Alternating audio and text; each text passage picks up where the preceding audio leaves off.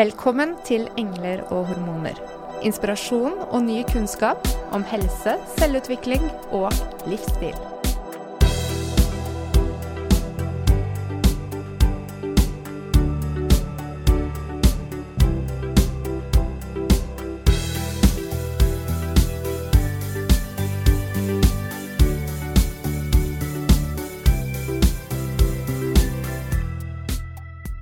Det finnes to grunnleggende behov hos ethvert menneskebarn. Behovet for beskyttelse og omsorg, og behovet for å undersøke og mestre verden. Begge er grunnlaget for trygghet og for livsglede, og begge er viktige aspekter ved helse. Vold mot barn er et av Norges mest underkommuniserte samfunnsproblemer. 10% av alle barn har blitt utsatt for vold eller overgrep i en eller annen form. Og i gjennomsnitt så er det snakk om to barn i hver klasse. Som helsepersonell så møter vi mange mennesker hver dag, og dermed også mange historier om overgrep. Vi ønsker å lære mer om hvordan vi skal møte problemstillingene, og hva disse erfaringene gjør med de barna og senere voksne som lever med vold og overgrep. I dag er vi frigitt taushetsplikten vår, og vi har den glede av å introdusere Lene Katrin Hansen, en pasient av oss som møter sine to behandlere. Hun er barnehagelærer, forfatter og foredragsholder, og ikke minst mamma til to voksne gutter. Og i dag så møter vi deg jo som personen Lene, Ja. mm, og i andre rekke som fagperson. Mm.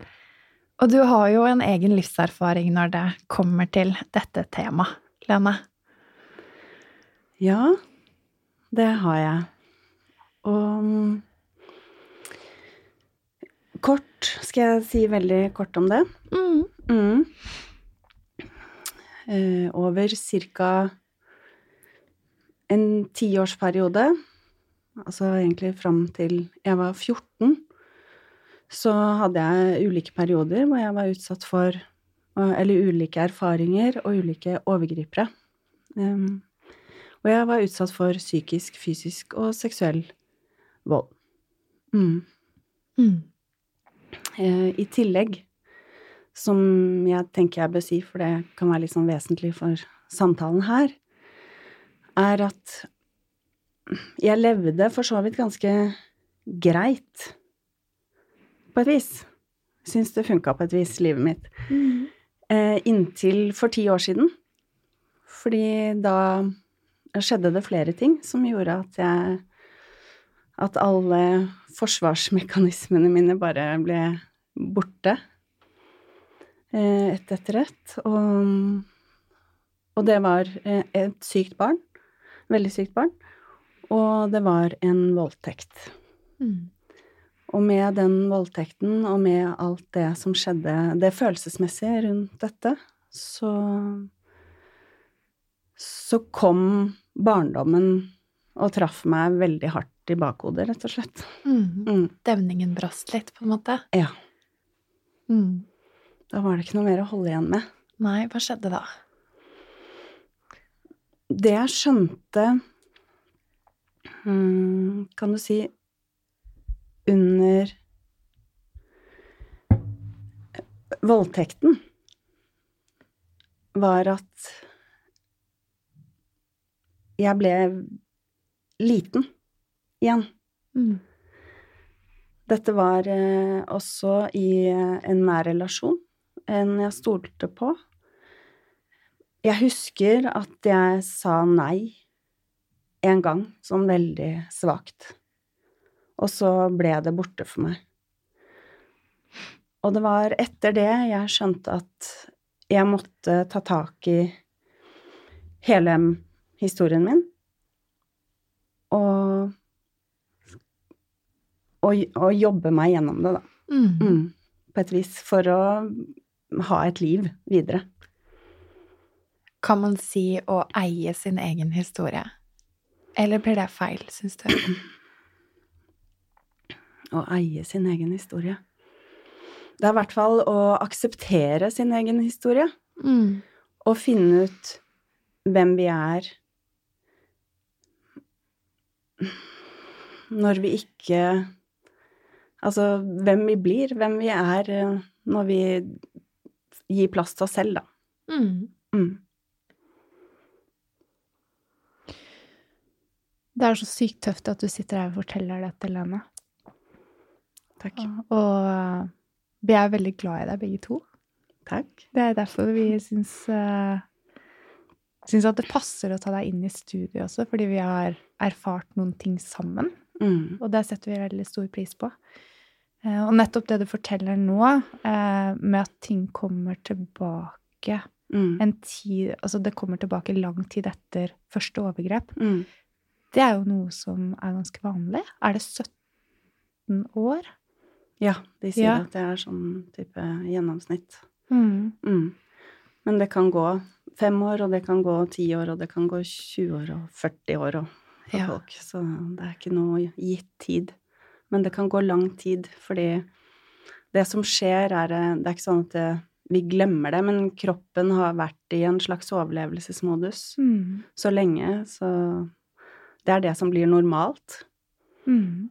Men så skjer det andre ting i livet, og så kan man få sånne små hint opp igjennom. Ja. Og så tenker man at ja, men det går sikkert bra. Ja. ja. Vil du komme litt inn på hva slags eh, hint det er du har fått på veien, sånn før den demningen på en måte brast? Hintene er jo ganske tydelige sånn med tanke på relasjoner, for eksempel. Mhm. Eh, Det er jeg ganske dårlig på. Nære relasjoner.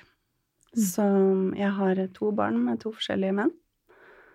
Og jeg har jo ikke vært sammen med noen av dem sånn veldig lenge heller. Mm. Som ikke behøver å være bare din feil, selvfølgelig. Nei. Men øh, det er vel en måte jeg har Altså, jeg slipper folk et visst stykke inn, og så Og det gjelder da spesielt menn. Mm. Og så Så vet jeg ikke hvordan jeg skal gjøre det, rett og slett, videre. Mm. Mm. Så det um, Det med at disse bevissthetene har kommet da kanskje litt senere, Mm. eh, er det den bevisstheten som gjør at du kan eie din historie? Er det det det betyr? Og det er jo så mange ting, ikke sant. Mm. Det er eh, fryktelig mange ting, så nå bare trakk jeg fram akkurat det, men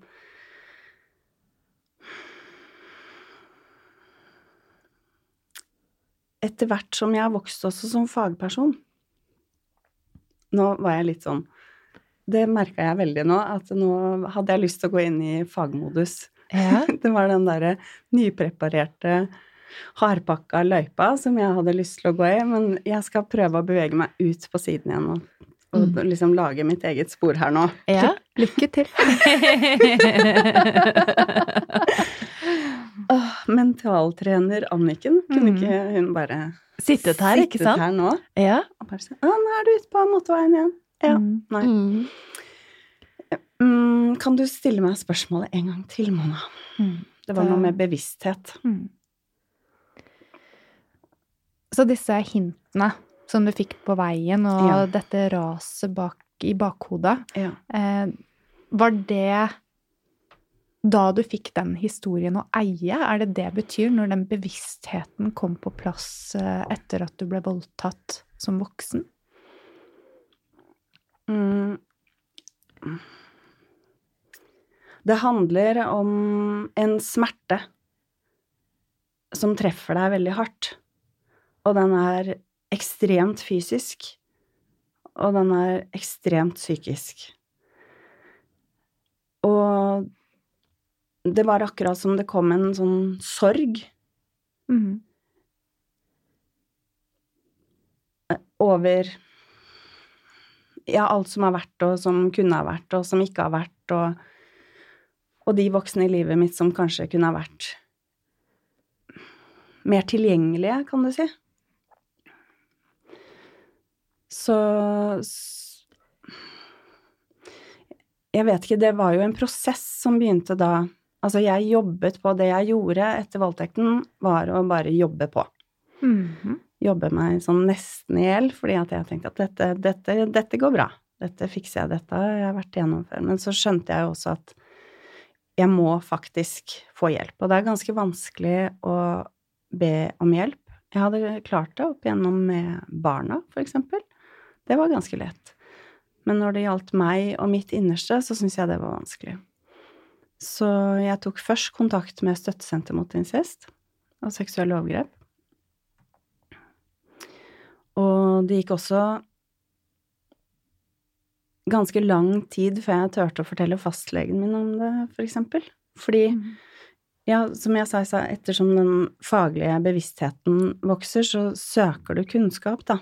Mhm. Og, og det å søke kunnskap har hjulpet meg veldig mye, sånn til å se meg selv og bli glad i meg selv. Ja. Fordi jeg har forstått mer. Ikke sant? Og det er jo det å prøve å sette sine egne opplevelser inn i en kontekst som, som gir mening, da. Å finne eh, og, og prøve å forstå. Men hvorfor jeg brukte så lang tid, for eksempel, med å gå til legen, var for det første så var han jo mann, og alle mine overgripere er menn. Mm. Og det var jo at sønnen min hadde vært så syk. Og da hadde jeg jo lest og hørt, og det er jo mange som har sagt òg, at eh, hvis du har vært utsatt for sånne ting, så bringer du det videre. Mm. Og at eh, det man selv har opplevd, det, det er gjerne noe man repeterer.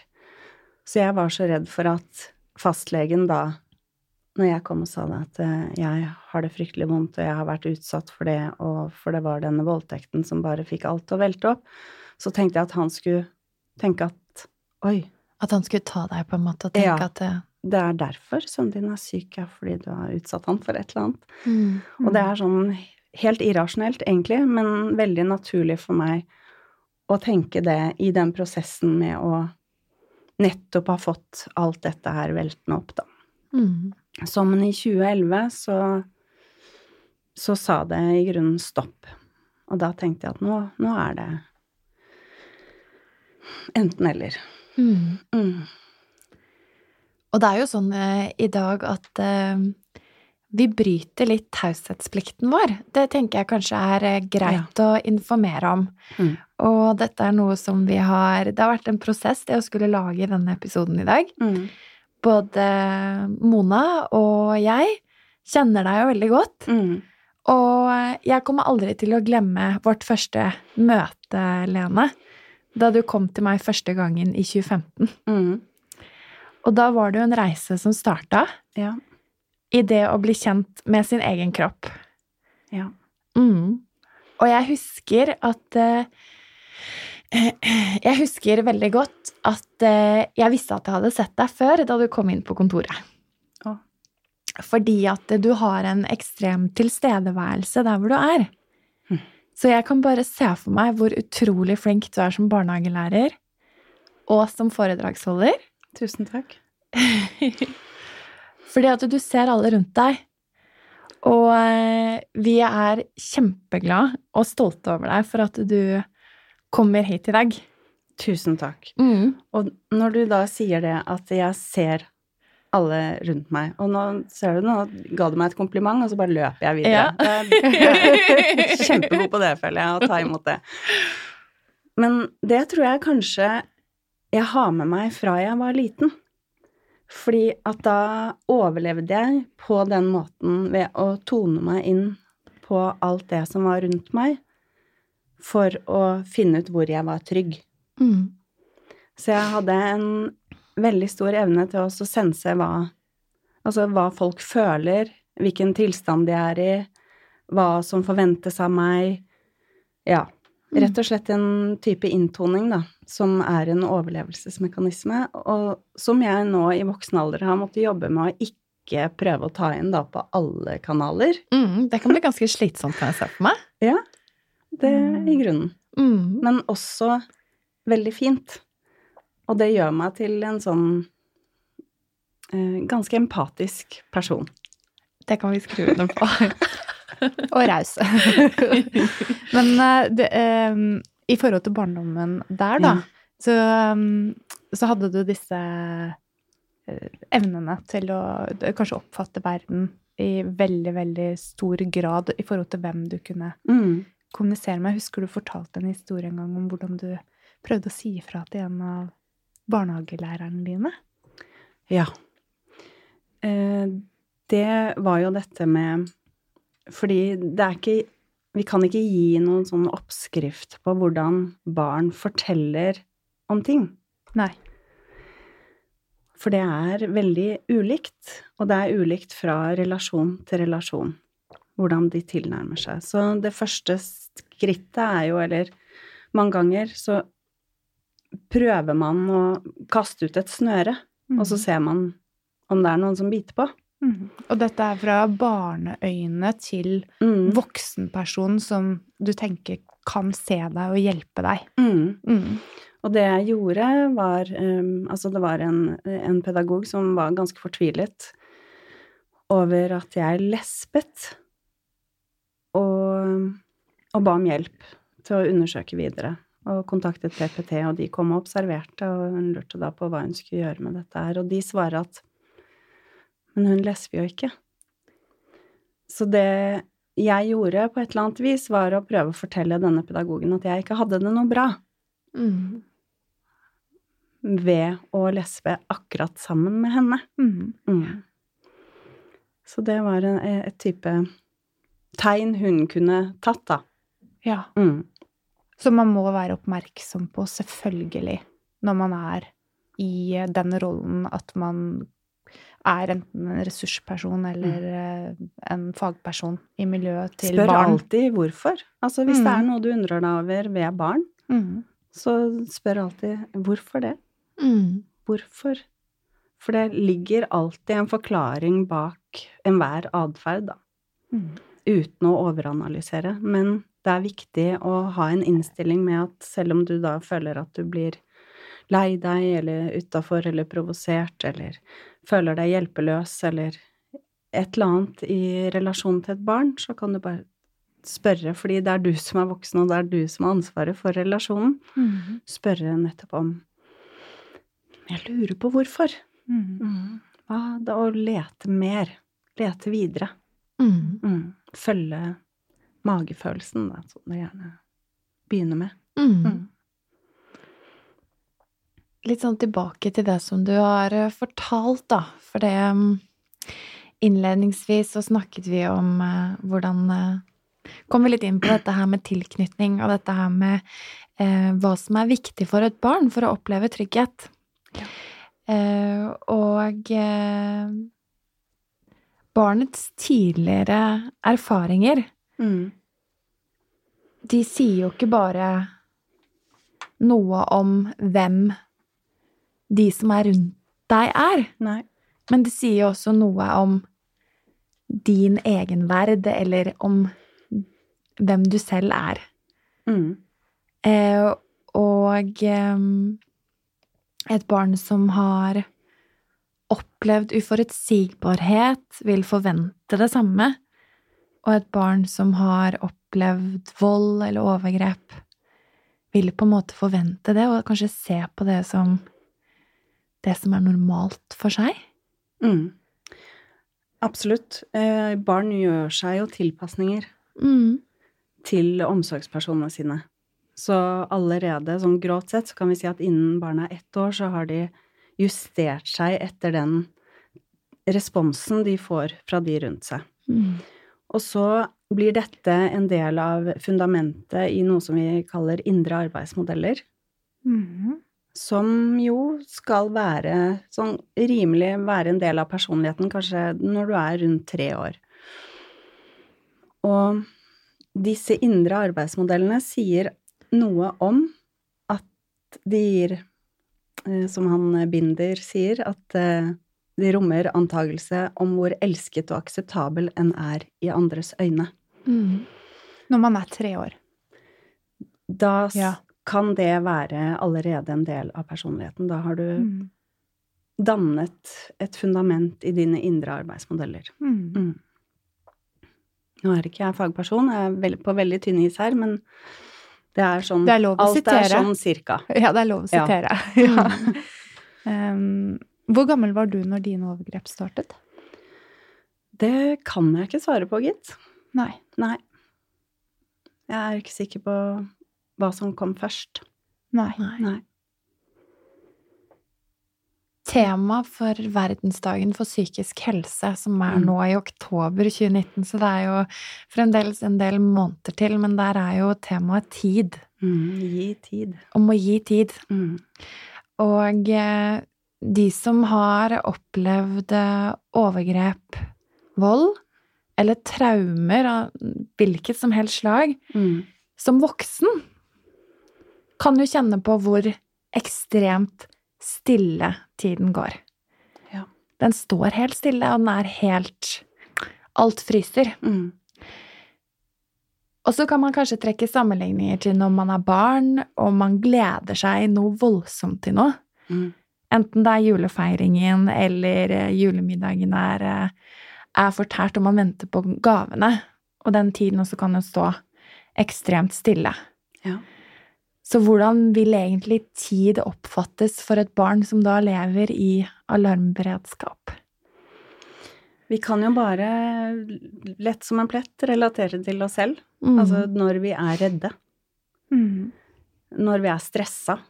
Fordi et barn som lever i alarmberedskap, er eh, kronisk stressa. Mm. Så, så går tiden sakte. Men altså helt uavhengig av det, så har jo barn en annen tidsoppfatning enn voksne. Så tid er eh,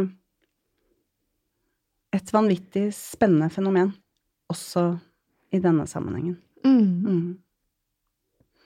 Det med tid for et barn som lever i en uforutsigbar hverdag, er det Er det et annet tidsperspektiv når du ser tilbake på barndommen din i forhold til å skulle kronologisk fortelle hva er det du opplevde når man er preget av traumer?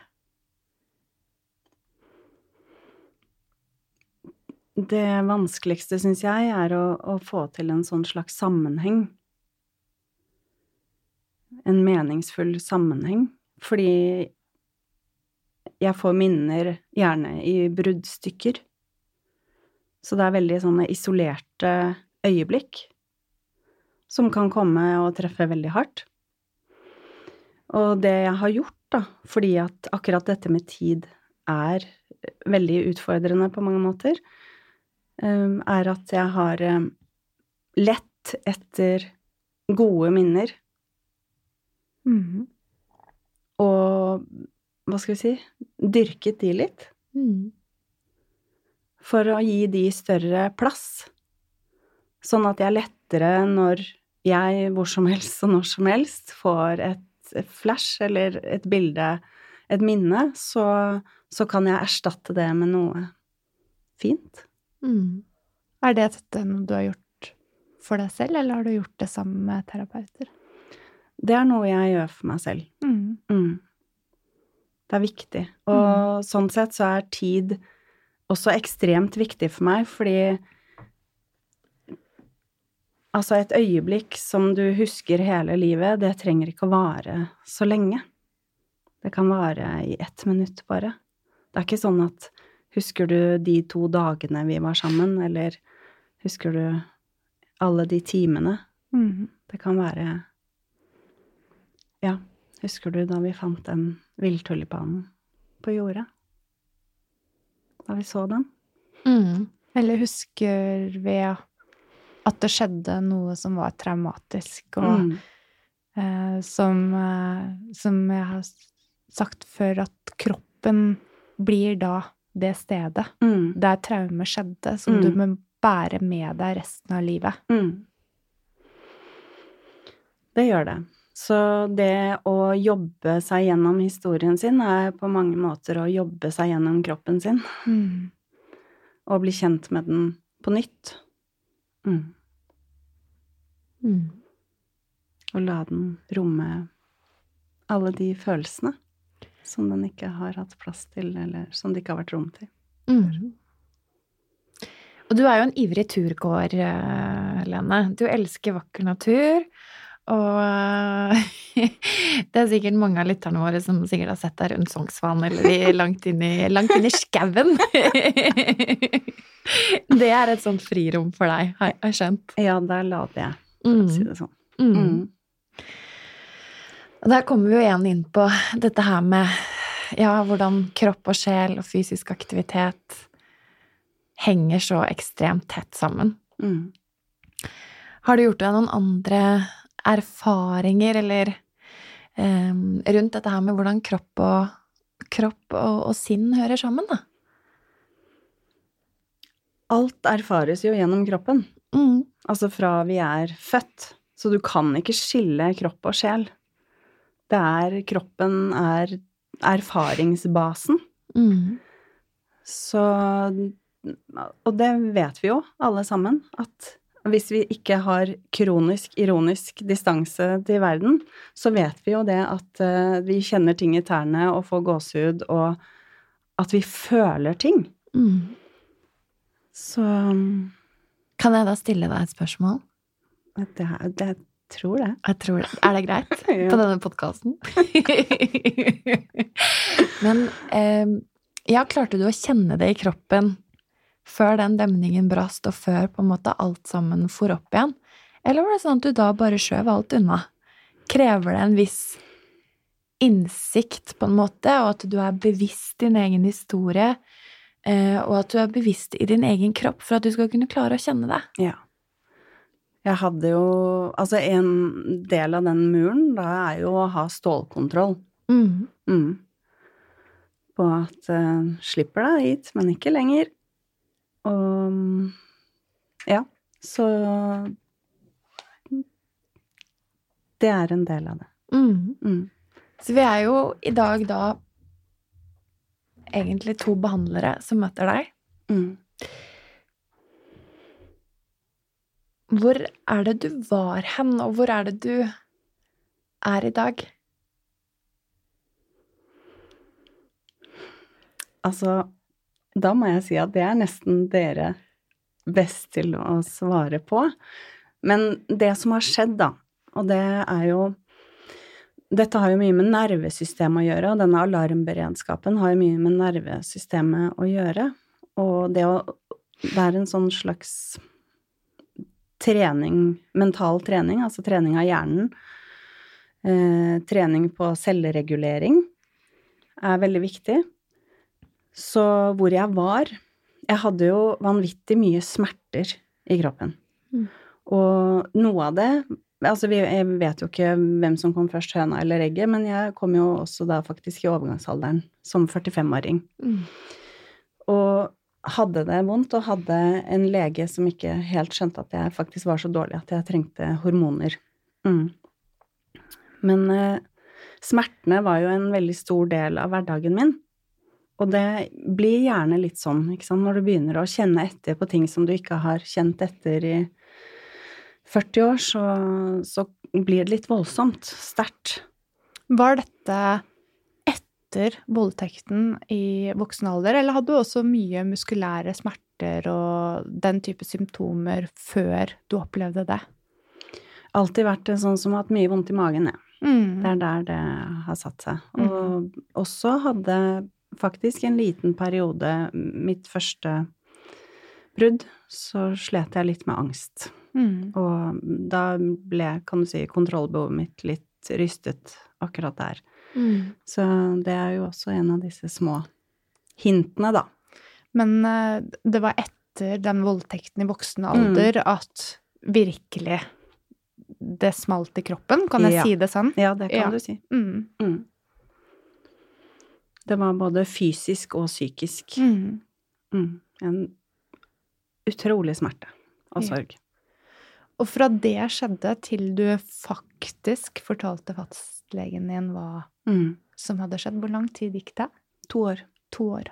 Mm. Mm. I den mellomtiden der så jobbet du på.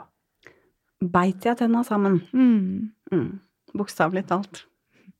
Ja, da får man vondt i kjeven. Det får man Ja. vondt i kjeven. Ja. Og i skuldrene. Ja. Og ja. Ja. Der kan vi trekke mange linjer. Mm. Så hvis vi stiller deg spørsmålet hva er det det betyr da å bli sett som et helt menneske?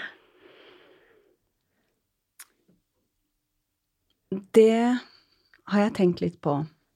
Og så tenker jeg, når er vi egentlig et helt menneske? Mm. For det er jo noe som er i bevegelse hele tiden, sammen med de som vi treffer.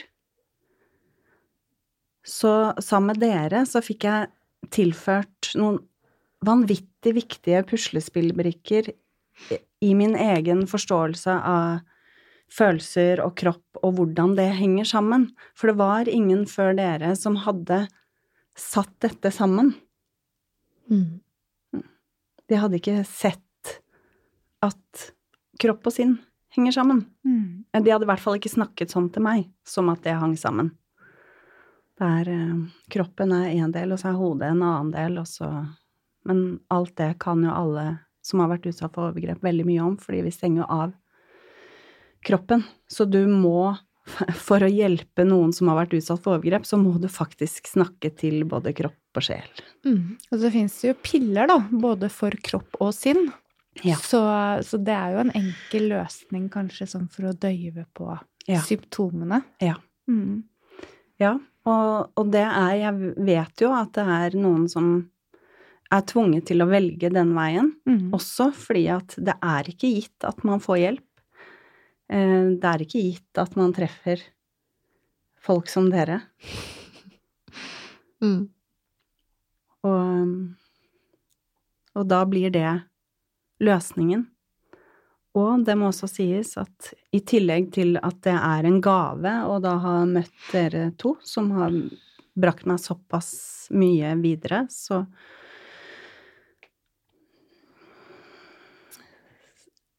Nå glemte jeg hva jeg skulle si. Det som begynte så fint.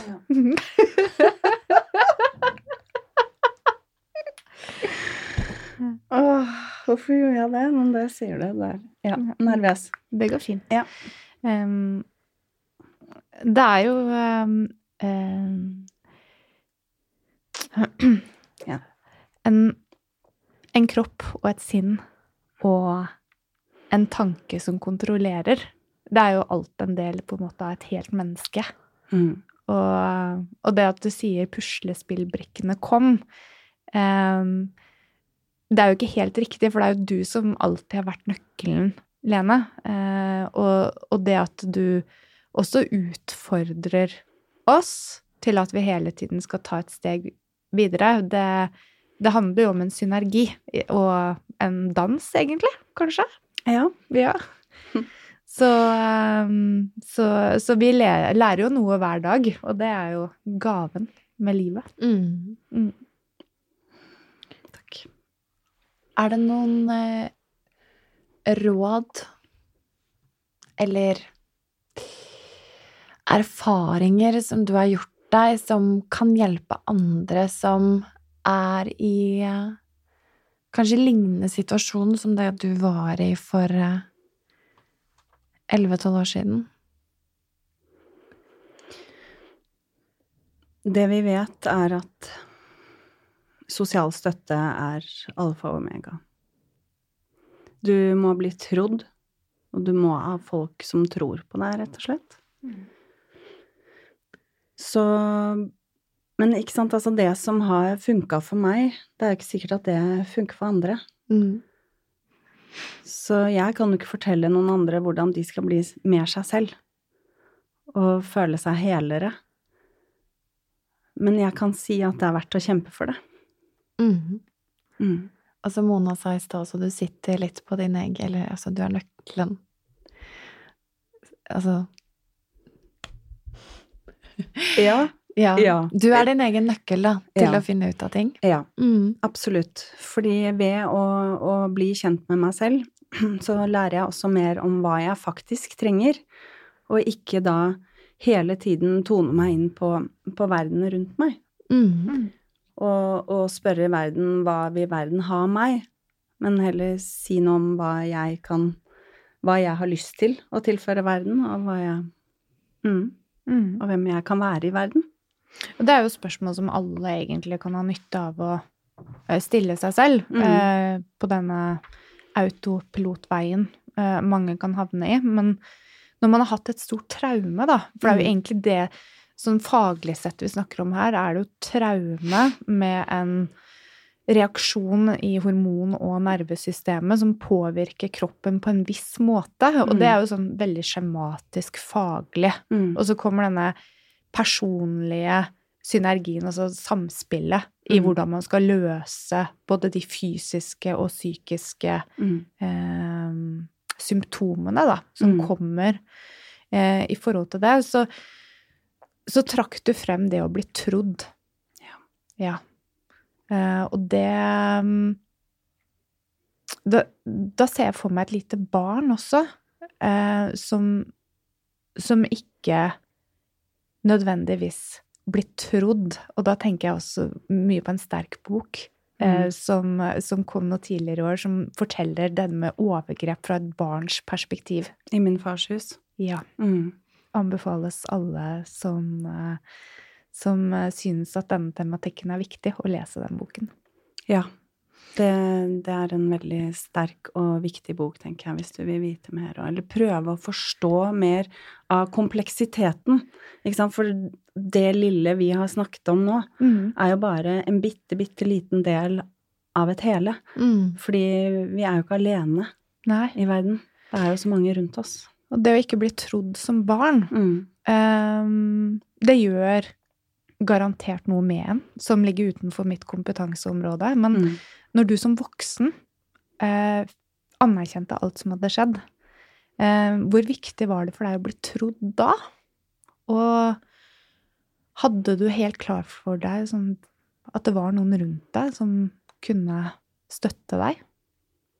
Ja. Eh, på støttesenteret Mhm. så er det jo jobben deres å tro. Ja.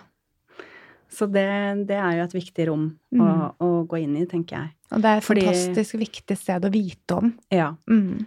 Og, og det å bli trodd er jo første skrittet på veien til å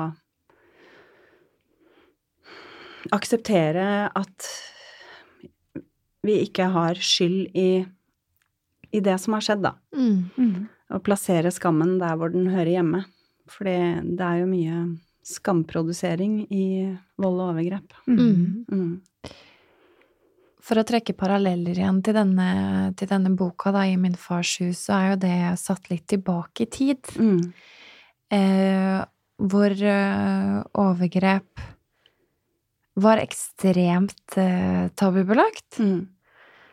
Ehm, og vi letter jo kanskje litt på lett, litt mer på sløret i dag, men allikevel så er det vel fremdeles ganske mye tabu rundt dette her. Eller hvor føler du at man er, på en måte? Sammenlignet med for 40-50 år siden. Kun, vi har jo mye mer kunnskap i dag om skadene. Det har vi. Mm. Og hjernen og nervesystemet og det hormonelle og alt dette, hvordan det henger sammen. Mm.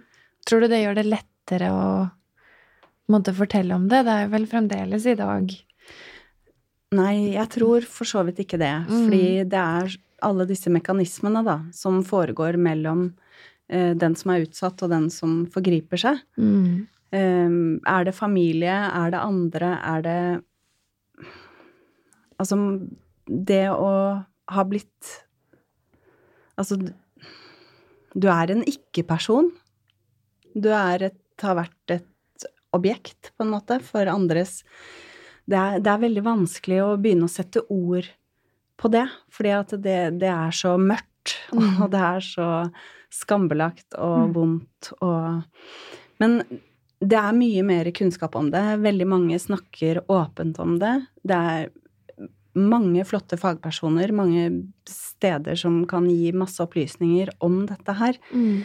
Det vi ser at det skorter kanskje litt på, er mer at ja, folk kan bry seg, bli opprørte og engasjerte, men at det skorter litt på, på gjørekompetansen. Mm.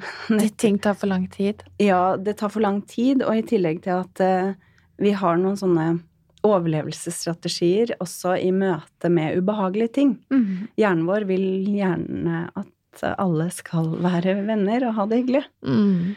Og da, når man blir følelsesmessig engasjert i ting, så, og, og i barn, så er det fort gjort å trå feil.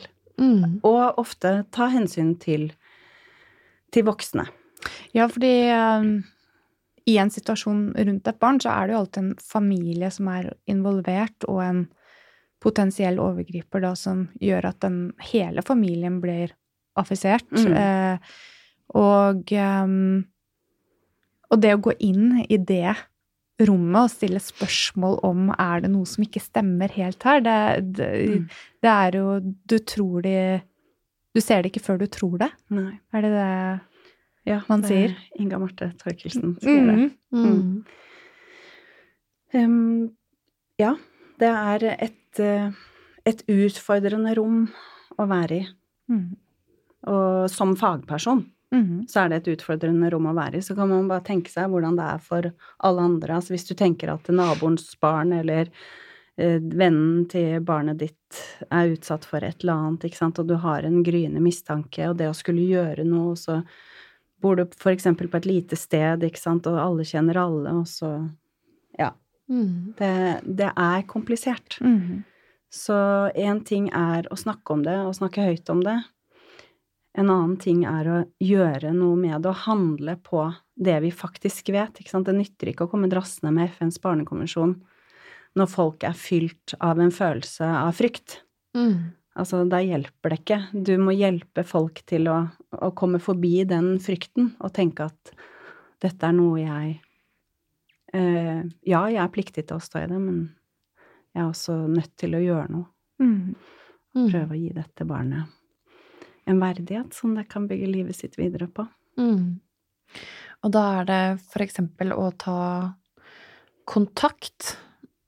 Det finnes vel en type støttetelefon eller sånn som man kan ringe til for å eh, få litt hjelp på den veien, da. For den terskelen kan være så høy, det kan være vanskelig å gjøre noe fordi at det er så mye frykt knyttet til det.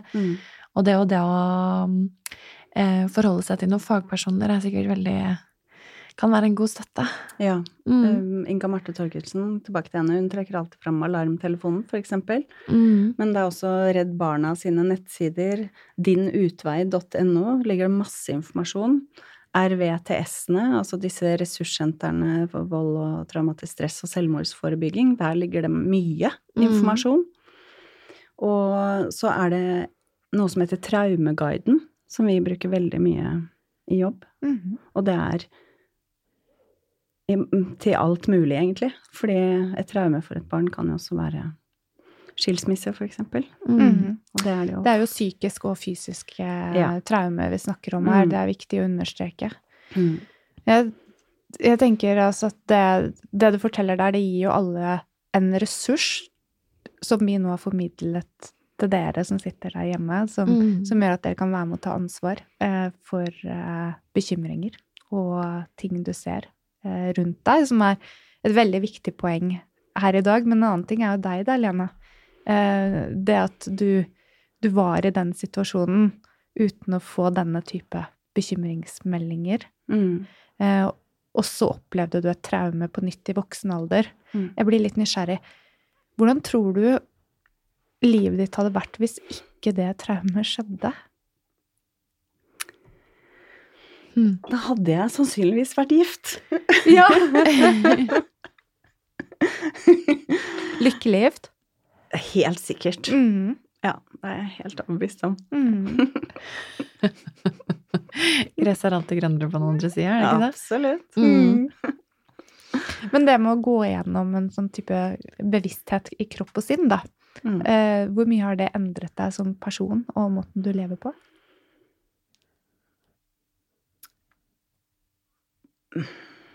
Ja, hva kan jeg svare på det? Det har endret en hel del.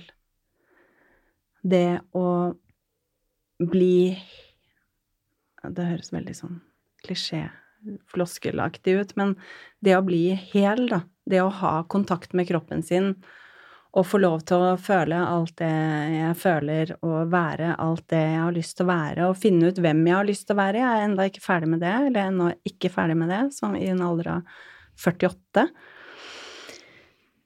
Ja, men det er greit. Er ikke det egentlig en sånn evig søken for alle mennesker, da? Jo, men vi blir jo aldri ferdige. Gjør jo ikke det. Nei, det gjør vi ikke. Men øh, jeg kan sitte her i dag og si at jeg liker meg selv. Mm. og jeg er glad i meg selv. Og jeg trenger ikke at noen andre sier det til meg. Og jeg er likevel glad i meg selv. Mm. Og det er jo ganske fantastisk. Det er helt fantastisk. Og det betyr jo at det er eh, noen hormoner som har blitt eh, skjøvet ut av å aktivisere nervesystemet til feil tanker. Jeg har trent! Du har trent! Herlighet, og jeg har trent! Det kommer ikke av seg sjøl. Nei. Nei. Nei. Det gjør det ikke. Nei. Eh, jeg kommer til å tenke på Det var vel Var det tidlig høst, kanskje? Da eh, ene sønnen din, eller altså siste sønn, skulle forlate redet. Mm. Og så, sa, så spurte jeg hvordan syns du det er. Så jeg synes, Egentlig så syns jeg det er ganske ålreit, og jeg føler at jeg har gjort en sykt bra jobb. Ja. Og jeg har spurt dem om det er riktig å gå rundt og si det, at Ja. jeg kan være fornøyd med min egen jobb som mor, og de sier det. Ja. Mm, fordi de har følt seg elsket, og de har følt seg ønsket, og de har eh, Ja. Av og til har det vært kanskje litt for mye kjærlighet, fikk jeg beskjed om, men det, kan jeg, det er greit, det tåler jeg. Hva slags råd eller erfaringer eh, ønsker du da å dele med de som sitter med traume som de sitter med alene, ja. og kanskje nå kjenner eh, at det kan være viktig å ta tak i? Fortell det til noen, altså del det med noen. Mhm. Og gjerne, altså hvis du syns det er vanskelig å snakke med noen nære, så kontakt noen som er profesjonelle, som har dette som virke, daglig virke. Um, pass på at du ikke omgir deg med skamprodusenter. Mhm. Omgi deg med de folka som hjelper deg på veien. Mhm. Du skal slutte å tilpasse deg andre, du skal få lov til å bli deg sjøl. Og trygghet først. Det gjelder både store og små. Vi kan ikke snakke om noe annet, egentlig, før vi har snakka om trygghet. Hva Mm. gjør barnet trygt? Ok, da gir vi det det. Mhm. Og også barnet i deg. Mm. Mm. Og det er sånn, jeg blir mindre og mindre skråsikker jo eldre jeg blir. Er Mer og mer ydmyk, mindre og mindre skråsikker. Og det er det at det er så mange forskjellige måter barn forteller på. Mm. Så det å gi ut lister eller fasiter eller metoder eller noe som helst, jeg tenker bare at vi må i mye større grad bruke tid på å tune oss inn på barns verden og væren og deres behov. Fordi med å bygge tillit, så Ja. Og ved at barn får være i følelsene sine, få anerkjent følelsene sine, få vært hele seg, rett og slett, Mm. uten å bli regulert på alle bauger og kanter, Mm. så, så er det det viktigste verktøyet, da. Mm. Mm. Og tenk, som vi sa innledningsvis, dette med å Hvis det er et barn som utfordrer, enten det er stille eller det er utagerende, tenk på hvorfor. Mm. Og spør. Ja, hvis barnet er gammelt nok. Hvis barnet er gammelt nok. Mm. Men de forteller gjerne veldig, veldig mye med kroppen. Ikke Gjennom sant? lek, for eksempel. Mm. Mm. Og em, faktisk, det var i, i, i romjulen, da eh, nevøen min, som er, på, er fire år, da begynte han å fortelle om hvem som kan være kjæreste med hvem, for det hadde han lært i barnehagen. Barn skal være sammen med barn. Barn skal ikke være sammen med voksne. Fint. Det er ikke lov, Nei. sa han.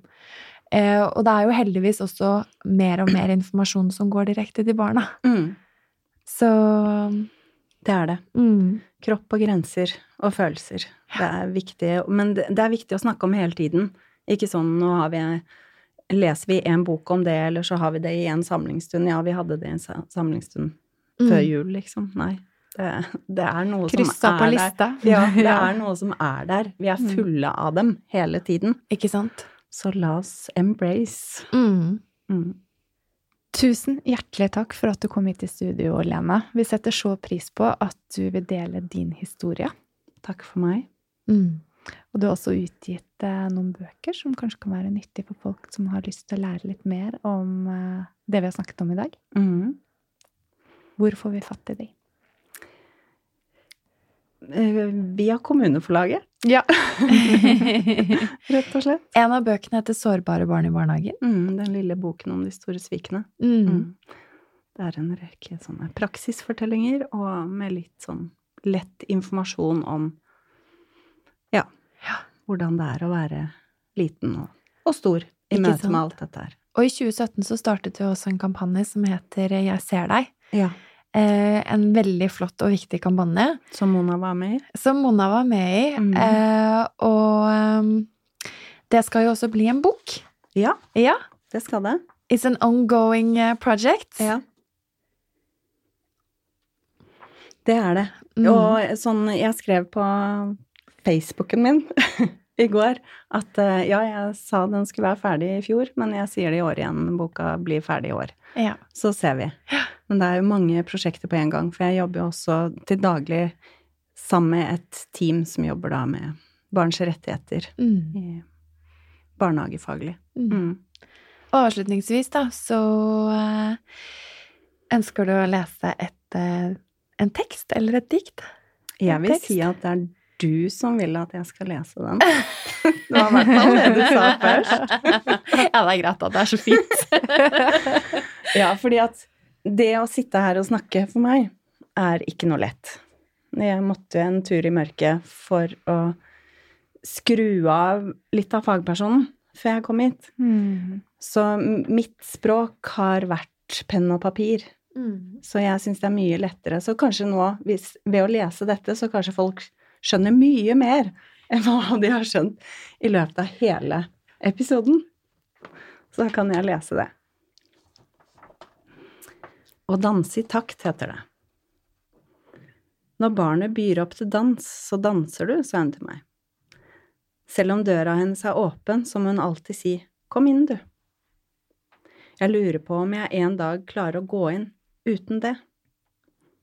Hun ser dessuten alltid litt avventende på meg når jeg kommer inn i rommet. Akkurat som om hun ser og lytter på samme tid. Også når jeg ikke sier noe. Hun tar meg inn på et vis. Det viser seg at det er akkurat det hun gjør. Hun tar meg inn. Hun toner seg inn på meg, sånn at jeg lettere også kan finne meg. Fordi noen ganger klarer jeg ikke å finne nervesystemets avknapp aleine, slik at jeg kan, selv kan stoppe den påsatte alarmen. Da jobber jeg intenst, glemmer å spise, drikke, puste, eller må gå ut, ut og gå fort. Og selv om jeg stort sett alltid i hodet kan, for, eh, kan forklare det som skjer, vil kroppen bare bort, langt av gårde, fra seg selv. Fra uro, tanker og minner som tar opp plass jeg ikke vil gi dem. Det er nok nå. Hun snakker til meg, tona inn på meg, min frekvens. Rolig nok til at jeg vil lytte, og rask nok til at jeg ikke forsvinner videre. I en ny tanke, følelse, uro, et nytt minne. Og alt dette skjer i den voksne utgaven av meg. Og jeg tåler det nesten ikke. Det er nesten ikke til å bære. Hvordan er det da, når du er liten? Hvordan er det å holde pusten, ikke få leke og være barn slik du trenger å være det, bare få være den de voksne krever at du er? Hvis ikke får du ikke kjærlighet, eller du får kanskje det de kaller kjærlighet, men ikke den som er sunn, oppbyggende og bra for deg. Du får noe kvelende og ødeleggende, fordi de voksne ikke har ryddet i egne rom, så tramper de heller inn i alle dine. Når voksne ikke klarer å tone seg inn på et barn, så klarer de heller ikke å danse i barnets takt. Når voksne ikke klarer å rydde i egne behov, så vet de heller ikke hvordan de skal lytte til barnets. Når vi er fulle av vårt eget, så blir det lite plass til andre. Men hun tåler hele meg, også når jeg ikke tåler meg selv. Hun rommer alt jeg er, også når jeg ikke vet hvem jeg er. Hun lytter, selv når jeg er tom for ord. Hun rommer meg. Hun danser i min takt sammen med meg. Fordi når barnet byr opp til dans, så danser du. Tusen takk, Lene. Tusen hjertelig takk for at du kom i studio i dag. Takk i like måte. Mm. Del gjerne denne episoden med noen du tenker at bør høre den. Jeg tenker at dette er en episode som alle barnehagelærere, alle førskolelærere, alle mødre og fedre egentlig bør høre. Så del den, og legg gjerne igjen en eh, rating og en kommentar i iTunes. Slik at flere kan finne den. Mm. Tusen takk. Takk for oss.